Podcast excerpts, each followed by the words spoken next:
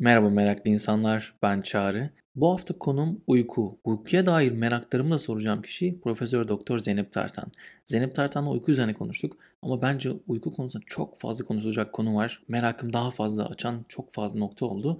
Bu konularda da sizlere harika bir haberim var. 26 Mart Pazar günü İstanbul'da olanlar için Restart Wellbeing Day var ve konusu uyku. İyi uyku, iyi sen diyor Restart ekibi. Harika, alanında uzman insanlarla, gerçekten bu alanda çalışan markalarla ve müthiş bir deneyim katılımcılarını bekliyor. Ve tabii ki merak sesi dinleyiciler için de harika bir fırsat var. Bu etkinlikte yer almak isterseniz Restart 30 koduyla %30 indirim sizleri bekliyor. Açıklamalar kısmındaki bilet kısmından biletinizi alabilir, yerinizi ayırt edebilirsiniz. Tabii bir de Restart Community var. Bu komünite Türkiye'nin en aktif ve etkili uzmanlarından oluşan Wellbeing Komitesi.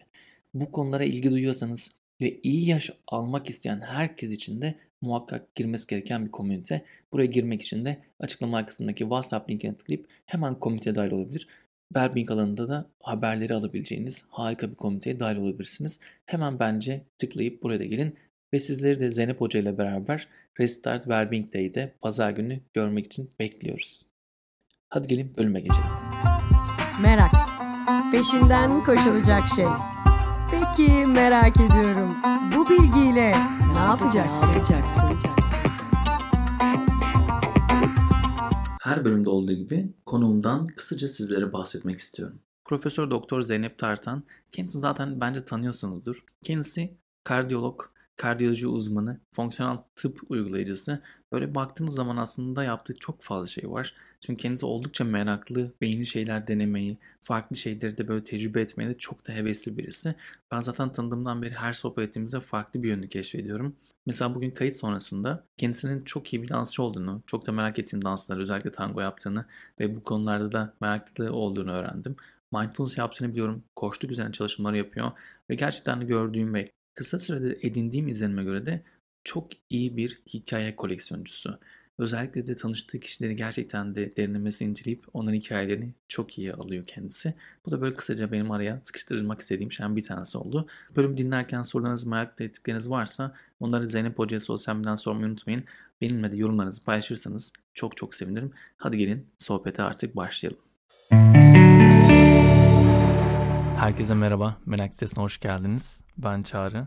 Bugün yanında bir konuğum var. Çalışmaları merakla takip ettiğim kardiyoloji uzmanı ve fonksiyonel tıp uygulayıcısı Profesör Doktor Zeynep Tartan bugün konuğum. Onunla beraber uykuyu konuşacağız. Hoş geldin. Hoş bulduk. Merhaba. Merhaba. Nasılsın? Çok iyiyim. Çok teşekkür ederim. Ee, çok güzel. Bunu çok yapmak istiyordum. Seninle olmuş olması ilk olarak e, çok keyif verdi. Konu da çok güzel. Davetin Kesinlikle. için tekrar. Ben çok teşekkür ederim. Hızlıca döndün ve hani bu biliyorum ki çok yoğunsun. Onun içerisinde vakit ayırdığın için ayrıca çok mutluyum. Çok teşekkür ederim. Sağ ol. Ya konu uyku olunca ben neler konuşuruz falan diye çok baktım böyle hani neler sorsam diye ama bir girmeden önce seninle ilgili bir şey sorayım. Ondan sonra konuya başlayalım Hı. istiyorum. Ve genelde de çoğu konuma soruyorum ben bu soruyu. Seni böyle en yakın arkadaşına sorsak beş kelimeyle Zeynep Tartan'ı bize nasıl anlatır? Hangi kelimeyi seçer? Neşeli der. Çok aktif bir isim yani genel olarak böyle yerine kabına sığamayan yüksek enerjim var. Hiç bitmez o enerji e, renkliliğimden bahsedebilir. Enteresan ve böyle hani biraz gizemci belki bu konular fonksiyonel tip bu yüzden beni çok çekiyor. Çünkü hmm. hep böyle hani içinde daha ne var ne var neden geliyor o merak gizem. var. Evet merak ve kuralcıyım. Ee, özel hayatımda hani önce kendi listelerim çünkü bu bir disiplin, bir yaşam disiplini. Kesinlikle hiçbir kimse için disiplinimden çok öyle kolay e, esnemiyorum. Belki hani belki eğlenceli olmayan tarafım olarak bunu söylerim. Şu saatten sonra yemek yemiyorum. Buraya gitmiyorum. Şimdi işte ne bileyim e, hazırlamam gereken konu var. Görüşemem falan. Bu bunlar çok katıdır. Sınır sınırlarını iyi çizen birisim aslında. Öyle toparlayayım orayı. Bu kavram çok zor geliyor. Çok. Çünkü Türkiye sınırlar konusu çok geçişken ya. Özellikle evet. yetişme tarzımızdan dolayı evet. sınırları öğrenmemiz çok zor oluyor. Evet. Çok bir de belki meslek hayatında hakikaten hani bu işi çok böyle kalpten kalbe e, ikna ediciliği yüksek ama sevgiyle yolu takip eden bir hekim olduğumu da söylerler. Ha, harika. Gerçekten çok güzel geldi kulağım. Zaten kalpten kalbe deyince de kardiyolog olarak. Evet. Benim o zaman konumuza çekelim yani kendimi öyle Olur. uyku üzerine. Ki 26 Mart'ta da aslında Restart'ta da konu uyku olacak. Orada da konuşmalar evet. da var. E, o taraf için de ben zaten bir kısa bilgilendirme yaparım podcast içerisinde de. Hı hı. Ama onun öncesinde de benim de merak ettiklerim vardı. Özellikle de en çok merak ettiğim ve işte internet yazınca da uykuyla ilgili en fazla konuşulan konu, gizemli konu neden uykuya ihtiyacımız var? Yani evrimsel olarak aslında ihtiyacımız olmayan her şeyi yavaş yavaş atıyoruz. Tabii ki beynimiz aslında neredeyse söylendiği kadar 3 milyon yıldır çok gelişmemiş ama yine de uyku hep bizimle var. Ve hayatımız üçte birini kaplıyor. Neden uykuya ihtiyacımız var? Evet bak bu soruyu bilim de çok sormuş. Niye uyuyoruz arkadaş? Yani 7-8 saat uyu diyorsun bir de. Evet. 7-8 saat üretmiyorsun. Eskiden böyle bir kaygımız yoktu. Şimdi zamanla ilgili ciddi bir problem var. Yani her 24 saatin büyük bir kısmının sürekli bir şeyler aktif olmalısın, izlemelisin. Bir de zaman çok hızlı geçiyor. Dolayısıyla 7-8 saat sağlıklı bir beden için uyu dediğin zaman insanların birçoğuyla çelişiyor. Bu aslında Edison'dan sonra oluşmuş bir şey yani. Edison'dan sonra mı? Evet çünkü e, ışık ida, şey icat edildikten sonra hani artık üretimin sürekli olmasına Edison çok küçümsermiş uyuyan kişileri. Tembellikle çok bağdaştırılmış. Şimdi aslında uykunun faydalarını öğrendikçe bu zihnin yapısının, bu anlayışın yıkılmaya başladığı ya da yıkılması için bilimin işte sunmuş olduğu çalışmalarla bunun üstüne çok çalışılıyor ve bu konu hep sorulmuş. Neden uyuyoruz? Aslında bu soru bir başka soruyu doğuruyor. Gerçekte soruyu? biz neye evrildik? Uyumaya hmm. mı evrildik? Uyanık kalmaya mı evrildik? Ve bunun tabii ki net bir cevabı yok. Ama baktığımız zaman aslında uyku hep vardı. Çünkü burası homeostazis yani o dengenin içindeki yer. Ee, ve biz uyanık kalmaya evrildik gibi duruyor. Hmm. Dolayısıyla uyku zaten hep vardı. Çünkü uyku sonra açacağız, konuşacağız Hı-hı. belki ama e, birincisi hani yapım, onarım yani dinlenmek için, enerji tasarrufu için bir gerekli. Bir de ana işlemci mekanizma olarak bakacak olursak bunu beyin olarak konumlandıracak olursak beynin faaliyetleri ve fonksiyonları için ve ertesi günü hem özellikle burada hafızayı ele alacağım ama beynin hmm. kendisini temizlemesi o glimfatik sistem dediğimiz bir tür lenfatik sistem çünkü beynin lenfatik sistemi yok yani biz ne biliyoruz kırmızı işte atar damar biliyoruz toplar damar biliyoruz ve bir de beyaz kan dediğimiz bütün atığı toplayan lenf sistemini biliyoruz ama beyinde böyle bir sistem yok beyin kendisini uykuda temizleyebiliyor. Hmm. Dolayısıyla bu işlemcinin sağlıklı bir şekilde üretebilmesi ve aynı zamanda e, duygusal onarımın da yapılabilmesi, bedensel onarımın, bütün metabolizmanın ayar çekilebilmesi için e, uyku şart. Yani resetleniyoruz orada. Bir tamir olayı oluyor ve bu çok büyük işlemci bütün gün ürettiği e, işlemler sırasında bir sürü atık oluşturuyor. Bu atığın temizlenip yıkanıp atılması yani beynin hı hı. E, tamamen kendisini arındırması uyku sırasında oluyor. Aslında o yüzden evrimsel olarak uyku şart. Yani. Şart. Peki neden 7-8 saat? Yani çünkü gerçekten de herkesin önerdiği yani 7-8 saat uyumalısınız var. Tabii bir taraftan da belki daha da açarız sonrasında bazı insanlar da hı hı. farklı rutinler sürüyorlar. Yani günde hı hı. 90 dakika uyusak yeter diyen de var ama var. en çok söylenen ve kabul gören sağlıklı olmak için bizim 7 ve 8 saat uyumamız. Özellikle yetişkinde çok daha önemli olduğu söyleniyor. Hı hı. Neden bu aralık? Şimdi uyku ne diyelim? Ulusal Uyku e, Foundation ne, ne diyelim? Nasıl çevirelim? Evet, Ulusal Uyku Vakfı. Vakfı sanırım. neyse. Onların kendi resmi sitesinde bir defa her yaşta aynı şekilde uyumuyoruz. Yani bebekken daha çok uyuyoruz. İşte e, teenagerken 10-11 saate ihtiyacımız var ama hmm. teenagerler tam tersi evet. daha az uyuyorlar 3-4 saat uyuyor. Kesinlikle bir de geç yatıyorlar. E, ama onun dışında bir yetişkin için söylüyorsak bu söylediğimiz fonksiyonların etkin bir biçimde oluşabilmesi yani beden için gerekli olan saat 7-8 saat. Onun dışında belki ilk etapta hemen olmuyor ama sonrasında zihin karışıklıkları ve emosyonel dalgalanmalar. Şimdi hmm. hiçbir psikiyatrik hastalık yoktur ki uykusu normal olsun. Ya çok uyur ya çok az uyur ama hiçbir psikiyatrik hastalığının hastanın uykusu normal Doğru. değildir. Stresimiz ya da kaygımız artınca uyku evet. direkt kaçıyor. Şimdi adapte oluyoruz. Adaptasyon belki bir, belli bir süre bizi götürüyor ama sonrasında orada bir harabiyet oluşuyor ve o harabiyetin neticesini yıllar sonra görüyoruz. Belki erken işte unutkanlıklar, demans, bunama başlıyor ne bileyim işte e, mizaç bozuklukları başlıyor. Stres hmm. toleransında azalma başlıyor. Bunlar böyle hemen başlamadığı için o kişilerin sonrasında ne olduğunu bilmiyoruz. Ama buraya şöyle bir parantez de açmak lazım. Gerçekten herkesin çok 8 saate de ihtiyacı olmayabilir. Çünkü kronobiyoloji denilen bir şey var. O biraz yatma saatinle alakalı ve genetik gelen bir şey. Genetiğin asla değişmiyor. Ee, bunu adapte edebilirsin çalışma hayatına ama bazı kronobiyolojilerdeki bu gececi kısım belki 6 saate okey fixler. Onlar 6 saatte de bizim yaptığımız işi yapabiliyorlar ama toplumun büyük bir çoğunluğu sabahçı. Ee, ya da işte ortalama bir sabahçı. Dolayısıyla 7-8 saat bu, bu yüzden hani bir ortalama saat olarak belirlenmiş. Bir de bu araya girdik böyle hani teenage'ken aslında evet. gençken az uyuyoruz falan ama az uyumak çok övülen bir şey. Yani gerçekten çok. toplum tarafında da öyle, globalde de. Bütün herkes aslında az uyumak da övünüyor. Hatta iş hayatında sürekli çalışmak ve aslında neredeyse gece 12'den sabaha kadar saat çalışıp arada 3-4 saat uyuyup devam etmek de övülen bir şeydi. Hı hı. Ama bir taraftan da harabiyetten bahsettiniz. Yani bu kadar hı. çok fazla zarar veriyor aslında bize bu. Evet. Bununla ilgili deneylerden de sosyal medyanızda Instagram'da da paylaşmıştınız birkaç evet. tane böyle. Var. Az, neden peki az uyumayı bu kadar övüyoruz? Çünkü hız çağı oldu. Sürekli üretimle değerlendiriliyoruz. Burada dinlenmeye bir vakit yok. Hani bu, bu, bu süreyi çok konsantre uyu ve e, geç. Ondan sonra tekrar üretim bandında ne üretiyorsan orada faal ve aktif ol ve her an hazır ol yani. Bu her an hazır olma durumu böyle bir çağımızın hastalığı. Ama e, bir kısaca bunun üstünden geçelim. Mesela sadece 70 ülkede 1.6 milyar insan üstünde yapılmış hani doğal haliyle yapılmış bir deney diyelim. Şu yaz saati kış saati değişimi. Evet. Ee, yaz saati değişimine geçildiğinde o gün ışığından tasarrufta sadece bir gece bir saat kısa uyuyorsun ve yüzde 24 kalp krizi ertesi gün artıyor. Bir günde yüzde 24 kalp krizi artıyor.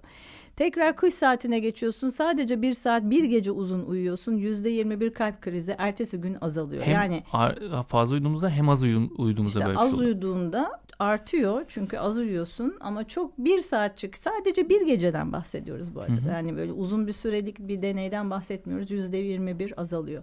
Çok ben ilginç. çok şaşırmıştım. Şöyle bir şey de okumuştum. İşte nöbet sonrası e, kaza bir defa hani buna şaşırmadım. Kazalar çok artıyor uykusuzlukla. Bu benim başıma iki kere geldiği için ben Geçmiş Avrupa olsun. yakasından Anadolu yakasına taşındım. Hmm. İki kere Karacaahmet Mezarlığı'nın orada e, Siyah Mersek'te nöbet çıkışı hiç uyumadığım iki nöbet sonrasında gerçekten bir trafik kazası yaptım ve onun sonrasında bu, sağ ol teşekkür ederim. Ve şu söyleniyor hani böyle değildi asistanlık hayatı. Belki o zaman yaş çok gençti bazı şeyler o zaman tolere ediliyor bilmiyorum ama uyumamış bir hekimin ertesi gün işe mesaiye ki hep de öyle olur en kötü gününde genelde nöbet ertesinde geçer yüzde yüz altmış hata yapma riski artıyor.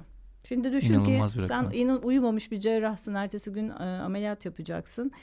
İyi uyuduğun bir gündeki performansında olmama ihtimalin yüksek ama dediğim gibi hani çok iş yaptık e, o zamanlarda da. Yani çok böyle bariz bir farklar hissetmiş miydim? Hissetmedim ama şu yaşımda olsa yüzde yüz hissederdim.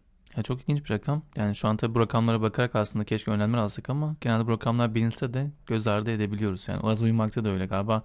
Uzun vadeli etkilerini görmekte zorlanıyoruz. Evet. Bir Kısa de, vadeli olanları tercih ediyoruz. Bence gibi. çocuk okul başarısında da bakmak lazım. Yani şimdi hani az uyumak gibi başarı ve sürekli o multitasking çocuklarda Hı-hı. da var. Bizim dönemimizde bu kadar e, bir e, yorucu bir sistem yoktu. Daha keyifli okullarda okuduk. Yani öğrenciliğimiz öyle geçti. Şimdi bu çocukların da çok erken saatte okulda olması, gerçi bizim ülkemize göre konuşmayayım. Amerika'daki e, araştırmalarda yedi buçukta okulda olmaları gerekiyor. Üretim e, yani anlama kapasiteleri çok düşük bir saatte. Onlardan verimli olmaları bekleniyor. Bu araştırmaları göz önüne alınarak pilot bölgelerde okul başlama saati 8.30-9'a çekildiğinde başarı ve sınav şeyi e, ileri vadedeki başarı oranlarında ciddi yükselme görülmüş. Dolayısıyla e, şimdi çocuklar da okuldan çıkıyor kurs oradan bir şey bir şey bir sürekli bir kurs sistemi var ve ya. Ve güne ışığı hiç neredeyse görmüyorlar. Evet görmüyorlar ve beyin böyle öğrenmiyor. Dolayısıyla hani onların saat ben benim var öyle hastalarım saat 12'ye 1'e kadar yani bunlar çocuk sonuçta yatmaları lazım ama ders anca bitiyor ve öyle yatıyorlar ama ertesi gün bu çocukların başarılı olabilmeleri ya da hafızalarının bir sonraki bilgiyi absorbe edebilme kapasitesinin yüksek olması çok mümkün değil. Bölüme kısa bir ara verelim. Zeynep Tartan'la konuşmamız gerçekten uyku üzerine çok keyifli geliyor. Ama bölümün başında hatırlattığım gibi 26 Mart'ta Restart Wellbeing Day var. Burada gerçekten alanı uzman kişilerle uykuyu derinlemesine konuşulacak. Deneyimler bizleri bekliyor. Uyku dediğimiz aklımıza gelecek pek çok şey bu bölümde çok çok azını konuşabildik. Çok daha fazla alanında uzman isimlerle, markalarla ve gerçekten deneyim özelinde sizler için yaratıldı. 26 Mart için merak sitesini dinleyenlere özel Restart 30 kodunu açıklamalardaki linkten tıklayarak kullanabilirsiniz ve %30 indirim alabilirsiniz. Bunu kaçırmayın derim. Bölüme hadi kaldığımız yerden devam edelim. Bunu bana şey hatırlattı. Haberman kendi şeyinde de özellikle sabah rutininde en çok övdüğü şey kalktığın gibi 20 dakika hatta yarım saatlik bir gün ışığı alın. Evet. Gün ışığı almadan güne başlamayın Evet. diyor ve bunu şu anda gördüğüm global pek çok e, hem iş insanı hem de işte YouTuber'lar falan deniyorlar ve bunun çok yararlı olduğunu söylüyorlar. Mesela sabah rutinleri bunun için gerçekten bu konu önemli mi diye bir sorum yani. Sabah gün ışığını zaten bahsettiniz. Başarıyı da etkiliyor. Evet. Kalktığımız gibi gün ışığını almak neden bizim için aslında uykudan sonra iyi gelen bir şey? Çünkü orada e, özellikle o kızıllık çok önemli ve burada bir küçük parantez de açalım. Bunu diyor ki Huberman. Camın arkasından alma. Mümkünse hani uygunsa üstünü giyin vesaire hava soğuksa bile. Camı aç ve arada cam yüzde elli bir filtrasyon yapıyor. Hiç cama e, şey yapmadan e, araya koymadan o kızıllığa en az 2 dakika ama 20 dakika 2-20 dakika arası bir şey. 20 dakika bence çok uzun bir zaman. Evet. Yani öyle bir hazırlık süremiz öyle bir bekleyecek süremiz yok. Ee, Ama 20 dakika kadar böyle bir şeye bakmaş bakıyor olmak bu hem gün doğarken hem de akşam kızıllıkta güneş batarken iki şey yapıyor. Sabahleyin bunu yaptığı zaman o sirkadiyen ritmi ayarlayan suprakiyazmatik e, nükleus denilen bir e, iki göz sinirinin çaprazlaştığı yerin hemen üstünde beyinde bir nükleus var, bir çekirdek var. Aslında günlük zamanı resetliyorsun. Diyorsun ki gün başlıyor ve melatonin ciddi anlamda ki zaten sabah 8'e doğru hani iyice biz uyandığımız andan itibaren azalıyor büyük bir şeyle. Ama bu kızıl ışık mel- şeye melatonine tamam artık çekilebilirsin diyor ve bu çok güçlü bir uyarı. Aynı kızıllık akşamüstü melatonine diyor ki akşam oluyor artık yükselmeye başlayabilirsin. Üstündeki freni kaldırıyor. Yani gün ilginçmiş. batımından 1-2 saat sonra melatonin başlar yükselmeye. O kızıllıkla burayı uyarabilirsin. Çok ilginçmiş. Hoşuma Rutin gitti için bir şey daha Evet söyleyeceğim. lütfen. Aslında burada bir de hareket edebiliyorsan yani bu hepimizin mümkün değil e, belki şeyinde yok rutinde olabilecek bir şey değil ama eğer böyle bir rutin şansımız varsa yazın ve baharda çok daha mümkün. Sabah kalktın bu kızılı yürüyerek koşarak, bisiklete binerek yani ufak bir hareket yaparak karşılayabiliyorsan çünkü hareket burada çok önemli. Aynı etkiyi yapıyor. İşte bunu da rutine katabiliyorsan e, kendine çok güzel bir sirkadiyen ritim başlangıcı yapmış oluyorsun. Ben bunu böyle kendimde 30 günlük bir challenge yapmıştım. Hmm. Her sabah 6'da kalkıyordum. 20 dakika yakın yürüyüş. Ardından işte meditasyon ve biraz okuyarak kendime hani güne hazırlayıp bir saat ayırıyordum. Hayatımdaki en rahat uyuduğum dönemdi gerçekten o bir ay. Evet. İnanılmaz etkisini gördüm. Şimdi tekrardan uykum bozuldu. Tekrar onu toparlamaya çalışıyorum ve o zamandan hatırladığım gerçekten en güzel şeydi yani o gün doğumunu izlemeye başlamak. Farklı bir enerji veriyor. Bilmiyorum hani o zamanki şey neydi ama demek ki o aslında benim zihnimden şey içimdeki melatoninin kalkmasıymış demek belki de. Hazırlanıyormuşum güne. Özel bir hücre grubu var. Bu görmekle alakalı değil. Görme engelliler de bunu fark edebiliyorlar. O hücre grubunun e, bir de bu hücreler böyle gözün alt seviyesinde. Yani ufka baktığında bir şekilde ışığı hiç kaçırmayacak şekilde dizayn edilmiş. Sen oradan bütün vitaminini almışsın. Harikaymış. Ya bir de şey merak ediyorum uykuyla ilgili baktığım zaman yine merak konularından bir tanesi. Herkes rüya görür mü? Yani ben mesela Hmm. çok nadiren rüya gören bir insanım. Hatta işte kimin neydi? Pınar Otiç'le bir konuşmuştuk. Vitamin eksikliği olabilir aslında. Vitamin mi alsan, takviye mi alsan sonra takviye aldım. Ondan sonraki bir hafta içerisinde rüya görme sıklığım arttı.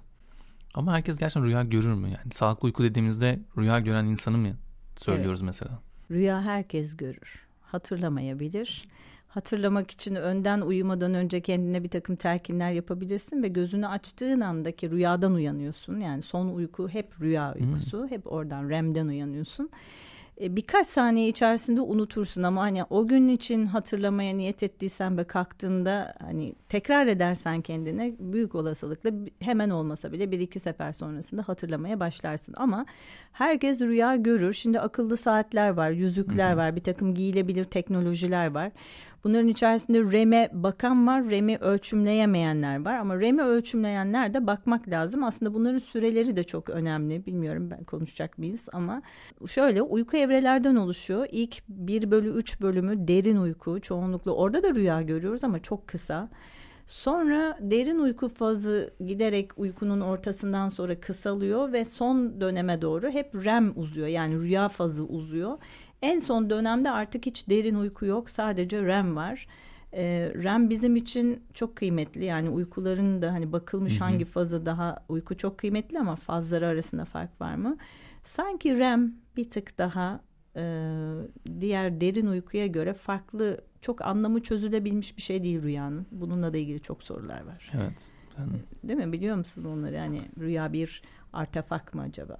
Beynin evet. bütün gün içinde gördüklerinin orada bir işlemsel şeyi mi, kalıntısını mı görüyoruz? Yoksa öte taraftan aldığımız bir takım şey mi? Ya da Freud'un dediği gibi bilinçaltının oraya çıkması mı? Bence bunların bir karışımı. Çünkü çok enteresan rüyaları olan, değil mi? Haberci rüyaları olan kişiler de biliyoruz e, ne bileyim lucid dreaming var. Evet. Yani bu bu konu bence ayrı bir podcast Kesinlikle. olur diye düşünüyorum ben. Zaten çok ilginç bir rüya şeyi. Bir kere birisi konuştuğunda şeyi bahsetmiş. Rüyada gezebilirsin. Kendi işte zihni öyle bir eğitirsen rüya içerisinde kendini yönlendirmeye başlayabilirsin diye. Gerçekten çok ayrı ve konuşulması gereken çok fazla şeyi var.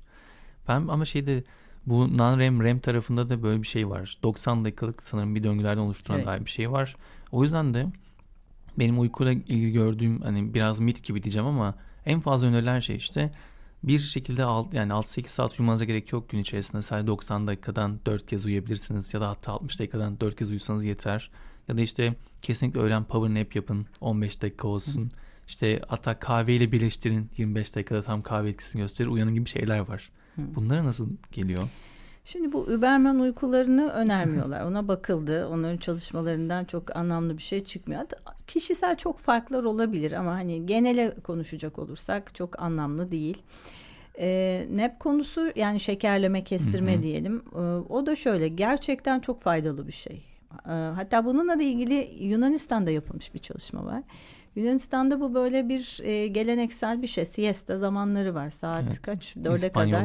Evet İspanyollarında sanıyorum ikiden dörde kadar mı? Birden e, dörde ikiden kadar. dört galiba. Çünkü bir gibi her şey kapanmaya başlıyor. İki evet. gibi herkes uyuyor gibi. Herkes gidiyor ve bu bir dönem yasaklanmış. Gerçekten kalp e, damar hastalıkları yani kalp krizlerinde bir atak olmuş.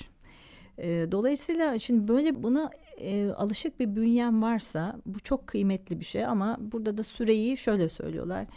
Ya 20 dakikayla sınırla ki NASA bunu çok araştırdı hmm. astronotlarda işte hani nasıl biz e, faydayı maksimumda tutabiliriz 10 dakikaya 20 dakikaya ve üstündeki zamanlara bakmışlar.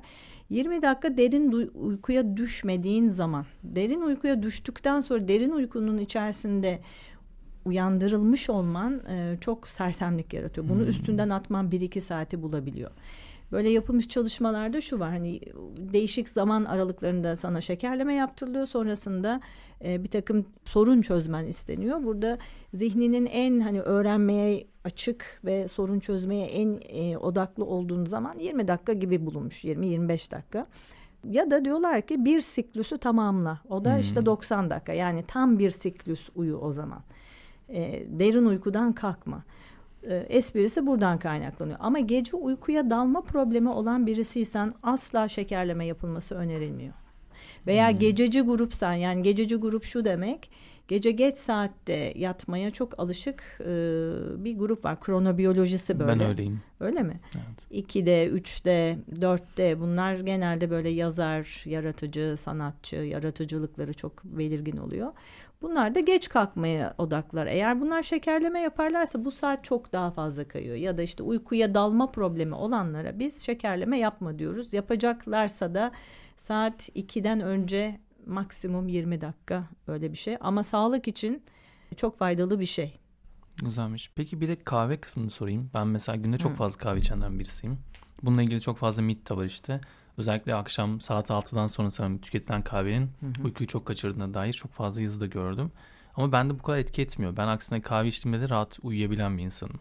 Ben de farklı bir şeyim vardı ama ben de herhalde burada norm dışı kalıyorum deyip genel sorumu sorayım. Kahve ve uyku arasında nasıl bir ilişki var? Bu kadar bizi etkiliyor mu? Şimdi biz uykuyu nasıl hissediyoruz da önce bir geleyim. Çok kısaca bir sirkadiyen ritim dediğimiz işte bu bizim e, genetik olarak e, tanımlanmış bir iç ritmimiz var. Günlük ritmimiz. Bu ritmin yükselmesi ve alçalması bir takım böyle dalga geliyor ve dalga çekiliyor. Bu bir. İkincisi gün içinde bu beyin sürekli bir şeyler üretirken atıklar oluşturuyor. Atıklarından bir tanesi adenozin. Bu madde hmm. Uyku baskısı hani böyle ay gözlerim kapanıyor bir uyku bastırdı beni kimyasal baskısını yapan madde adenozin. Evet kahvede bunu taklit ediyor değil mi kafeinde? Kahve bunu taklit etmiyor. Kahve adenozinin bağlanacağı reseptöre gidip bağlanıyor benziyor çünkü bağlanıyor. Adenozin ortamda oldukça fazla miktarda var fakat gidip reseptörüne bağlanıp o baskıyı oluşturamıyor. Yani hmm. bir nevi onun etki edeceği e, anahtar kilit şeyinde e, yanlış bir anahtar olarak o kiliti bloke ediyor. Dolayısıyla sen uyku baskısından kurtuluyorsun ve uykun gelmiyor. Şimdi bu dediğin çok güzel. Herkes diyor ki ya ben espressomu içiyorum ve ondan sonra akşam çok güzel yatıyorum. Sert evet. bir kahve içiyorum. Kahvenin etkisinin başlaması 20 dakika. Hadi hmm. o diyelim ki 20 dakikayı da geçtin gene uyuyorum diyebilirsin. Ama kahve, e, kahve içtikten sonra uyuyanlar için derin uykunun içindeki delta dalga örgüsünü bozuyorsunuz. Onu fark edebilme şansın hiç yok. NASA gene bir deney yapmış. Örümceklere e, işte LSD vermiş, amfetamin vermiş. Ondan sonra marihuana vermiş ve bir de kafein vermiş. Sonra da e, örümcek ağlarına bakmış. Örümcek ağına benzemeyen tek örümcek ağı kafein alan örümceklerin örümcek ağı. O nedenle Harika. iç örgü bozuluyor. Yani o delta dalgası çok kıymetli bir dalga. Orada bütün temizlik yapılıyor. Orada bütün o hafıza aktarımı yapılıyor. Zaman içerisinde hani bilmiyorum belki yıllarca takip etmek lazım ama kahvenin böyle bir şey var. Bir de bir kahve, bir fincan kahvenin yarı ömrü yani o kafeini atma yarı hı hı. ömrü 5-6 saat ortalama bir kişide. Bazılarında biraz hmm. daha hızlı temizlenebilir. Bazılarında daha genetik olarak yavaş temizlenebilir. Böyle de bir durum var. İlginçmiş. Dikkat edeceğim daha fazla kendime. Evet bence. Peki son böyle kapanışa doğru gelirken ben şey merak ediyorum. Zeynep Tartan'ın bir rutini nedir? Yatmadan önce hmm. uykusu için bir ritüeli var mı? Bir rutin kullanıyor mu? Ya da sabah farklı bir rutini var mıdır? Aslında biz bu podcast'te belki bir ikinci bölüm yapsak çok mutlu olurum. Şöyle ki yani biz genelde uykuyu e, oluştururken rutin oluşturun istiyoruz. Çünkü uyku, uyku düzenliliği bir rutinle gelen bir şey. Yani bir ilaçla gelmiyor.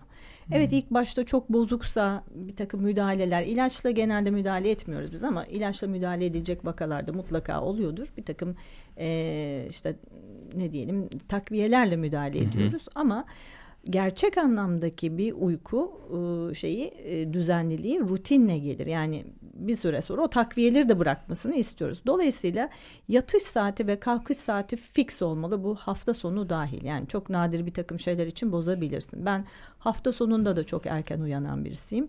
Genelde de erken uyandığın zaman o adenozin denilen maddeyi 16 saat içerisinde daha çok biriktirdiğin için belli bir saatte hep uykun gelmeye başlıyor. Benim genelde şöyle bir rutinim var. Ben yatmadan önce çok hani hep bir şey okuyor ve ötesinden hani ekranı kapatıp yatıyorum. Dolayısıyla öyle bir meditasyon, nefes vesaire bir şey yapma şansım çok olmuyor. Çünkü çok uykum geliyor.